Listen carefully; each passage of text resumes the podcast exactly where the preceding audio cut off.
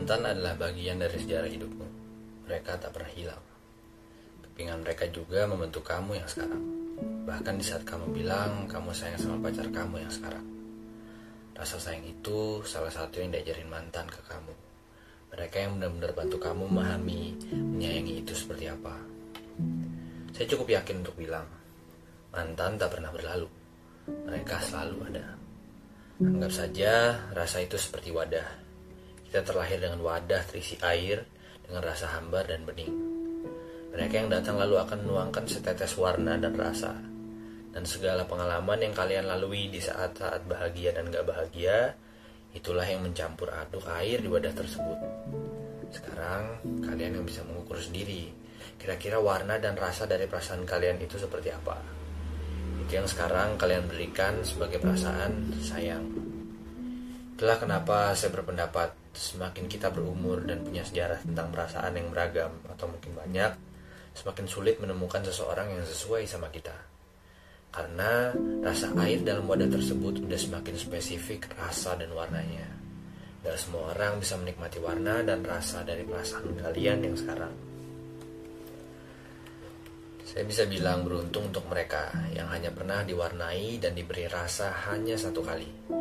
Sehingga selamanya mereka hanya akan mengetahui satu rasa dan warna karena tidak mengetahui rasa dan warna lain. Pada akhirnya mereka tahu kalau mereka tidak butuh orang lain selain satu sama lain. Kondisi ini menurut saya paling dapat mendekati cinta sejati. Untuk mereka yang berharap menemukan satu cinta sejati, satu orang yang mereka cintai, Itulah cara supaya kamu hampir bisa meraih cinta sejati dengan memilih satu orang, kemudian tetap setia kepada mereka. Tetapi sayangnya kesempatan untuk saya meraih cinta seperti itu sudah berlalu. Saya menyadarinya di tengah perjalanan ini. Pendapat saya tentang cinta kini hampir bak remeh-temeh. Seperti menurut banyak dari kita, cinta hampir sepele. Hampir sepele, tapi belum berakhir. Sekarang, untuk kamu yang terlanjur punya banyak pengalaman tentang rasa, sudah tercampur banyak warna, kemewahan datang di sini. Karena kalian yang akan benar-benar paham rasa dan warna yang kalian mau seperti apa. Walaupun akan sulit dan tak sebentar, tapi ketika momen itu datang, orang itu datang. Kalian akan merasa Tuhan memang benar-benar merancang semuanya dengan sempurna.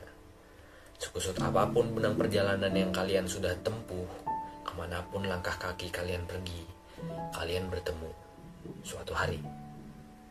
Suatu hari. Bayangkan saja suatu hari itu dan segala perjalanan menuju ke sana sudah dirancang sedemikian sempurna.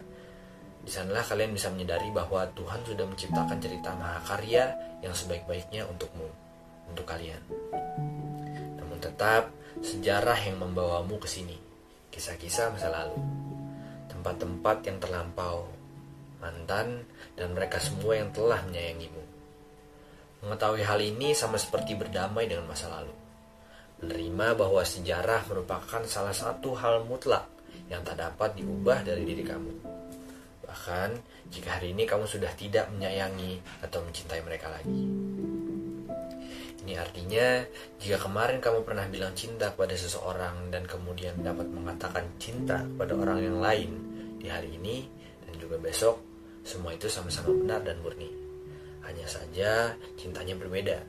Cinta yang kemarin sudah berevolusi menjadi cinta baru hari ini. Juga besok, volumenya semakin menebal, suaranya semakin lantang dan hempasannya semakin kuat. Yang sama itu akar atau sifat cintanya, berkembang dari sana. Menurut saya itulah mengapa ada istilah cinta pertama, yang berarti mengimplikasikan ada cinta kedua, ketiga, keempat, dan seterusnya. Dari sini, seperti yang saya bilang sebelumnya, cinta hampir remeh-temeh buat saya. Saya memahami cinta sebagai kemampuan, sebuah kemampuan yang memiliki kapasitas, bukan sebagai satu reaksi kimia bak sihir yang membuat tubuh bahagia selamanya. Sejauh mana sudah kapasitas cinta kamu? Itu kamu yang tentukan sendiri, mulai dari diri mulai dari orang lain, hewan, tumbuhan, organisme, dan seterusnya. Sejauh mana jangkauannya? Tapi pembahasan ini bisa kita simpan untuk lain kali. Saya akan tutup sedikit dengan kutipan Eh, kapasitas untuk menyendiri adalah kapasitas untuk mencintai. Ini mungkin terlihat paradoks bagi Anda, tapi sebenarnya tidak. Ini adalah kebenaran eksistensial. Hanya orang-orang yang mampu menyendiri yang mampu mencintai, berbagi, memasuki inti terdalam dari orang lain. Tanpa memiliki yang lain, tanpa menjadi bergantung pada yang lain, tanpa mengurangi yang lain. Pada satu hal dan tanpa kecanduan yang lain. Mereka membiarkan kebebasan absolut lainnya, karena mereka tahu bahwa jika yang lain pergi, mereka akan bahagia seperti sekarang. Kebahagiaan mereka tidak bisa diambil oleh yang lain, karena itu tidak bisa diberikan oleh orang lain.